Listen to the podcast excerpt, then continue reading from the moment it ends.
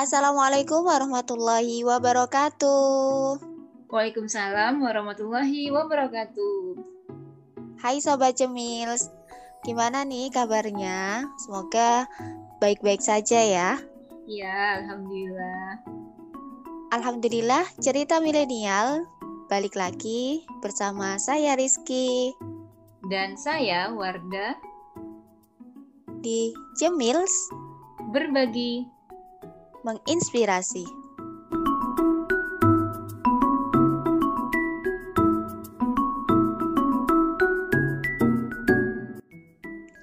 Pekan ini kita punya bahasan menarik lagi ya. Uh-uh. Punya cerita. Uh, pasti teman-teman tahu semua ya tentang penghinaan Nabi Muhammad Shallallahu Alaihi Wasallam. Gimana nih teman-teman untuk sobat cemils? Sudah tahu kan? Atau ada yang belum tahu? Uh, pastinya tahu semua ya, udah rame kok di mana-mana. Iya, kalau buka sosmed, kalau anak sosial media pasti tahu ya, insya Allah. Tapi ada loh yang nggak tahu juga. Oke lah, kita anggap aja semuanya tahu gitu. Nah, gimana nih teman-teman? Ketika mendengar tahu kalau Nabi kita Rasulullah SAW itu dihina, dibuat karikatur gitu ya. Ini gimana nih tanggapannya teman-teman? Marah, be aja, atau malah merasa lebay dengan orang-orang yang ini uh, marah? Nah, yang paling ini ya uh, mungkin karena gregetan sama presidennya Prancis yaitu Macron ya uh, karena justru malah balik membela orang-orang yang membuat karikaturnya Rasulullah gitu. Terus bahkan dipajang kan besar kayak billboard kayak gitu ya di billboard gitu. Nah uh, itu kan jelas ya mengundang kemarahan seluruh kaum muslimin yang ada di dunia gitu. Terus uh, akhirnya membuat membuat kaum muslimin untuk uh, apa namanya memboikot produk-produk Prancis gitu. nah itu kan lumayan ya sampai artis-artis itu kan. Kalau saya lihat di uh, apa namanya di storynya di statusnya gitu. Itu sampai mem membuang produk-produk uh, buatan Prancis gitu. Wow keren ya sebenarnya kaum muslimin ini gitu. Jadi ketika diganggu kesayangannya yang kecintaannya yaitu adalah Nabi Muhammad Shallallahu Alaihi Wasallam langsung ya reaksinya begitu. Sebenarnya kan wajar ya. Ya apa Tianis uh, ya memang ini ya kalau misalnya melihat kejadian kemarin itu yang pertama uh, tidak pantas ya. Maksudnya tidak pantasnya itu itu keluar dari lisannya seorang presiden. Meskipun memang basicnya adalah negeri sekuler dan juga pastinya non muslim kan seperti itu gitu kan ya Nah, iya. terus terkait dengan tanggapan, sebenarnya ya itu sangat positif. Itu seperti itu. Karena yang namanya cinta itu kan dilihat dari action. Mm-mm. Nah, iya. karena cinta itu dilihat dari action atau dari bukti. Nah, jadi memang kemarin itu ya alhamdulillah luar biasa gitu kan ya. Karena selebriti pun sebagaimana yang barusan Kak Rizky bilang juga ikut marah, bahkan membuat produk-produk yang sudah dibeli yang harganya ya bukan pastinya bukan 10 yeah. juta tapi di atas itu gitu kan. ya, harganya itu kalau produk Perancis. nah, tapi juga kadang uh, lucunya juga gitu kan ya. Ada beberapa mereka yang sebagian kecil itu malah kayak oh, ya udahlah dimaafkan dan sebagainya padahal ya itu tadi. Ya, ya benar-benar. Uh, padahal kan memaafkannya itu harus di segimana maksudnya pada persoalannya apa itu kan harus tepat itu seperti itu Nah, mungkin kalau di sini saya ingin menanggapi terkait dengan boykot. Nah, ya sebenarnya itu bagus ya, boykot itu bagus gitu kan ya. Baik bagusnya itu apa? Karena di situ kita ada action gitu kan ya. Tapi apakah boykot itu menyelesaikan permasalahan, Kak? Nah, um, uh, nggak nggak sampai ke akarnya sih. Kalau kita lihat kan uh, penghinaan Nabi Muhammad ini kan nggak cukup sekali ya, dan Prancis itu berkali-kali loh kan sebelumnya itu kan mereka juga begitu mau buat buat karikatur Charlie Hebdo juga kan Iya, maka ya itu tadi gitu. Pemboikotan ini tidak akan menyelesaikan permasalahan gitu. Bahkan tidak bertahan lama.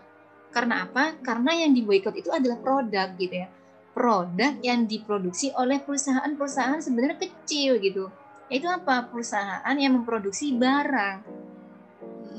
Nah, jadi yang efeknya itu hanya kepada apa pengusaha-pengusaha kecil gitu ya, yang tidak akan mempengaruhi perekonomian Prancis gitu kan ya, bahkan sistem perpolitikan yang ada di Prancis.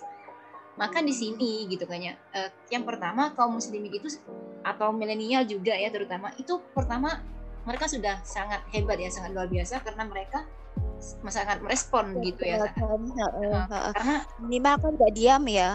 Iya gitu ya karena mereka sudah marah gitu kan ya nah yang kedua pahami permasalahannya nah permasalahannya itu ada di mana kak ada permasalahannya itu ya ada di sistem hmm. nah di sistem mananya ya sistem yang diterapkan juga di negeri kaum muslimin juga salah satunya begitupun juga di negeri-negeri barat karena mereka yang memproduksi sistem itu. Nah, sistem ya. itu apa gitu kan ya? Ya pastinya ya ada yang namanya sekularisme yang memisahkan agama dari kehidupan sehingga akhirnya muncullah di situ kebebasan-kebebasan. Salah hmm, satunya hmm, kebebasan uh, salah satunya adalah kebebasan berpendapat yang diagung-agungkan gitu kan ya. Mm-mm. Terus kebebasan berekspresi yang akhirnya orang boleh melakukan aslinya melakukan apa pun gitu kan ya. Hmm. Dan juga ada kebebasan kepemilikan gitu kan ya, apa yang disebut dengan sistem kapitalisme ini gitu kan ya. Dan juga diambil oleh negara kita, negeri kaum muslimin. Lucunya kan gitu ya. Nah, karena itu tadi gitu. Jadi kaum muslimin harus tahu nih akar persoalannya itu ada di sistemnya gitu ya, yang melahirkan gitu ya. Apa gitu yang melahirkan akhirnya kebijakan-kebijakan seperti itu gitu kan ya. Maksudnya apa? Aturan yang kebablasan gitu. Yang bahkan gitu ya aturan itu merugikan kaum muslimin. Nah terkait dengan Islamophobia kak sebenarnya itu nggak cuma sekali dua kali loh kak. Bahkan di bulan Oktober tanggal 18 itu ada penyerangan terhadap muslimah dua muslimah mm -hmm. nah ya kayak pembakaran Al-Quran juga uh, itu kan. Al-Quran iya. dibuang gitu. Di negeri-negeri barat yang katanya dia menjunjung hak asasi manusia malah mereka lebih rasis sebenarnya. Nah, gitu kan ya. Nah, justru itu gitu kan ya. Akhirnya nggak salah sebenarnya kaum muslimin itu marah, tapi lucunya yang kemarin itu kan malah dianggapnya teroris ya. Maksudnya men dan itu tadi ya pernyataannya itu sebenarnya udah jelas ya Kak ya, perang Islam dengan ideologi itu kan ya. Maksudnya sistem yang sekuler itu kan ya kan mengatakan bahwa kita itu kan seperti akan mau mengambil kehidupannya mereka gitu kan ya. Hmm padahal kita tuh ya reaksinya maksudnya yang membunuh itu kan maksudnya yang membenggal guru itu kan ya reaksinya kan karena marah kan? Nah kenapa iya. kok? Nah kenapa kok bisa semarah itu kak? Gitu. Maksudnya individu ini individu ini kok bisa marah? Karena kita nggak punya pemimpin kak. Hmm. karena kita nggak punya pemimpin yang jadi tadi yang akan menyelesaikan persoalan itu. Nah seandainya nih kita punya pemimpin yang anggap aja mungkin ya kalau misalnya sekarang kita punya Umar ibnu Khattab wah sudah habis tuh kak Hmm. Kayaknya Macronnya yang habis ya. Oh ya gitu kayaknya. Nah itu sudah habis nih. Atau ya. anu yang membuat majalah di Charlie Hebdo itu yang dia kan. Nah, gitu Karena... Habis sudah sudah nggak nggak bisa berkali-kali dia buat. nah kalau menurut Kak Rizky nih berbicara mengenai ya urgensi adanya pemimpin itu bagaimana Kak gitu ya? Karena kan pemboikotan itu tidak menyelesaikan suatu persoalan Islamophobia. Iya Ya, mungkin kalau aku ini ya cerita tentang ini Sultan Abdul Hamid II. Jadi gini, di tahun 1800-an gitu. Itu ada seorang khalifah namanya Sultan Hamid II. Itu. Nah, eh Nah, jadi beliau itu adalah pemimpin ya, pemimpin atau khalifah di masanya di masa Khilafah Utsmani gitu. Nah pada tahun itu itu beliau tahu kalau akan ada drama komedi tentang kehidupan Nabi Muhammad Shallallahu Alaihi Wasallam, yang mana eh, drama itu itu di dipertunjukkan di sebuah teater di Paris Prancis gitu.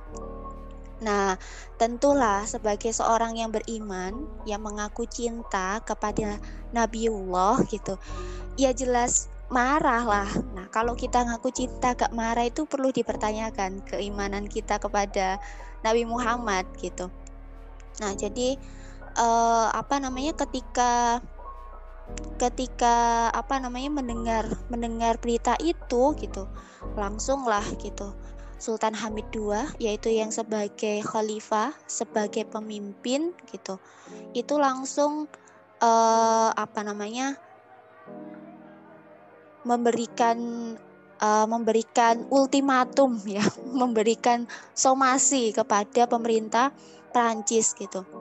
Yang mana beliau memberitahu kepada pemerintah pemerintah Perancis ya bahwasanya segera untuk segera menghentikan pertunjukan tersebut gitu. Yang mana ketika pertunjukan tersebut itu akan digelar artinya kan be memang belum belum digelar gitu tapi akan gitu ya akan digelar ya eh, apa namanya pertunjukannya itu ya pertunjukan yang lelucon tentang Nabi Muhammad gitu yaitu akhirnya membuat marah kaum muslimin kemudian uh, Sultan Hamid II tadi mengirimkan mengirimkan uh, surat tadi ultimatum gitu kepada pemerintah Prancis. Yang jelas lah Prancis uh, dan negara-negara pada saat itu uh, mengetahui kekuatannya kekhilafahan ya pada saat itu kekhilafahan Utsmani ya karena kita tahu bahwasanya dulu Islam pernah berjaya, pernah menjadi adidaya sehingga negara-negara lain tuh ngerti gitu ya betapa kekuatannya khilafah itu seperti apa gitu. Nah, maka ketika ketika seorang khalifah itu marah, ketika seorang sultan itu marah, nah itu benar-benar membuat pemerintah Prancis ketakutan gitu. Sampai akhirnya para pemeran-pemeran yang mau memperankan diri gitu itu sampai diasingkan ke Inggris gitu. Yang itu akhirnya uh, pertunjukan itu nggak jadi nggak jadi dibuat di Perancis. Ladala ladala apa ya? Yang uh, ternyata gitu uh, yang orang-orang yang diasingkan oleh pemerintah Perancis tadi ke ke Inggris eh ternyata Inggris itu mau buat juga gitu. Mau juga mau buat pertunjukan itu gitu. Nah akhirnya juga membuat uh, kaum muslimin termasuk khalifah itu marah gitu ya. Sampai mengirimkan surat juga gitu. Mengirimkan surat ke uh, raja raja Inggris ya. Tapi Inggris pada saat itu dia malah ngomong begini ini bukan Prancis gitu kami memiliki kebebasan di per perbatasan kami gitu. Nah, justru malah cari gara-gara si Inggris ini. Kalau Prancis tadi kan dia langsung gak jadi ya, langsung diasingkan, khawatir nanti uh, orang-orang itu nanti di uh, apa namanya dibuat perhitungan di sama sama khalifah gitu. Tapi kalau Inggris malah malah seperti melawan kayak gitu, menanggapi apa namanya menanggapi uh, per, uh, suratnya Sultan Hamid II itu tadi. Mm-hmm. Nah, jelas lah gitu Sultan Hamid II langsung malah uh, apa namanya lebih marah lagi kayak gitu. Nah ini surat yang ini di, dikirim lagi sama Sultan Hamid II. Tak bacakan aja ya. Gini uh, suratnya. Nenek moyang saya memberikan nyawa mereka tanpa ragu demi kebaikan Islam. Dalam dalam urusan ini saya dengan tegas akan menyiapkan pemerintah kepada seluruh umat muslim di seluruh dunia dan memberitahu mereka tentang sikap angkuh dan kepongahan Anda. Jika terus melanjutkan dan membiarkan drama tidak sopan ini terjadi, Anda perlu mempertimbangkan apa akibat besar atas keputusan yang Anda perbuat. Nah, jelaslah pada saat itu yang akhirnya uh, Inggris yang itu memiliki hubungan uh, hubungan diplomatik gitu, hubungan diplomatik dengan uh, kekhilafan Utsmani gitu. Nah, itu akhirnya dia menyadari bahwasannya surat yang ditulis oleh Sultan Hamid II itu bukan ancaman kosong, bukan apa ya, bukan gertak sambel, tapi benar-benar serius gitu. Kalau kamu gak beneran menghentikan, nanti Sultan Hamid II itu akan mengerahkan seluruh pasukannya untuk mengepung uh, Inggris kayak gitu kan. Nah itu kan jelas ya. Uh, kenapa kok uh, pemerintah Prancis kemudian uh, pemerintah Inggris tadi ya dengan dengan kiriman suratnya Sultan Hamid II atau Khalifah pada saat itu langsung takut ya. Nah karena memang ya tadi kalau anti katakan karena kita, kalau sekarang kita nggak ada pemimpin yang menjadi junah menjadi perisai. Nah pada saat itu di tahun 1800-an itu masih ada uh, masih ada khalifah yang itu menjadi perisai bagi kaum muslimin gitu. Jadi ketika pada saat itu uh, Nabiullah kita itu di, dihina gitu atau ketika ada sesuatu apa pun yang terjadi pada kaum muslimin penghinaan ataukah pelecehan terhadap Islam maka pemimpin ini tuh hadir menjadi uh, yang pertama untuk menjadi tameng untuk melindungi agama Islam jelasnya gitu.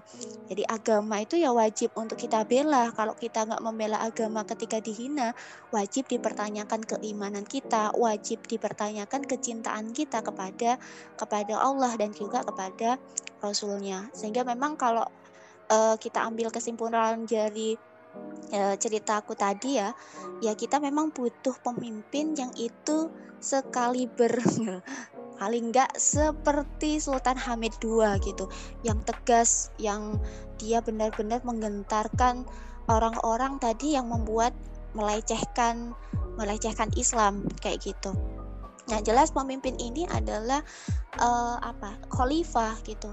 Kita butuh but, kalau khalifah berarti kita kan butuh butuh khilafah gitu. Butuhnya ada sebuah negara yang memang uh, yang menjadi pelindung pelindung bagi seluruh kaum muslimin kayak gitu kalau uh, kita lihat dari sisi kita butuhnya adanya adanya pemimpin yaitu sebagai junah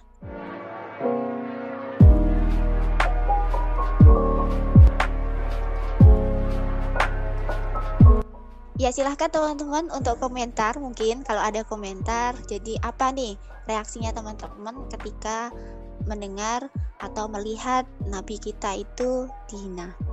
Oke, sekian cerita milenial Surabaya di pekan ini. Semoga bermanfaat. Kita pamit undur diri. Wassalamualaikum warahmatullahi wabarakatuh.